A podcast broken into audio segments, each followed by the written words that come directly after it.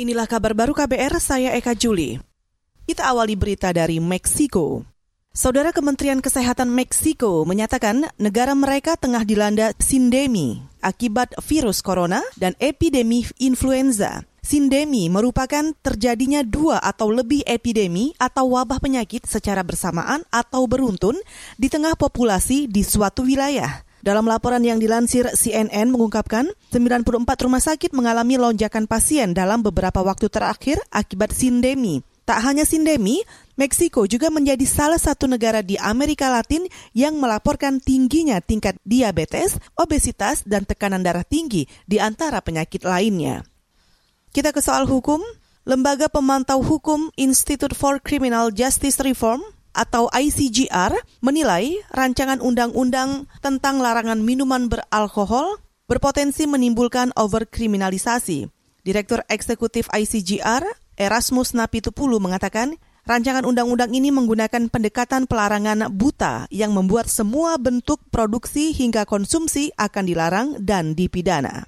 Rancangan undang-undang larangan minuman beralkohol ini berpotensi besar mengakibatkan overkriminalisasi. Jadi kita akan punya beban kriminalitas yang sangat tinggi, kriminalisasi yang sangat tinggi yang bisa mengakibatkan kelebihan beban lapas seperti yang kita hadapi sekarang, lalu kemudian uh, tindakan sewenang-wenang, sistem yang bisa jadi korup, lebih korup, begitu ya, peredaran pasar gelap yang begitu besar karena alkohol. Itu tadi Direktur Eksekutif Institute for Criminal Justice Reform, Erasmus Napitupulu.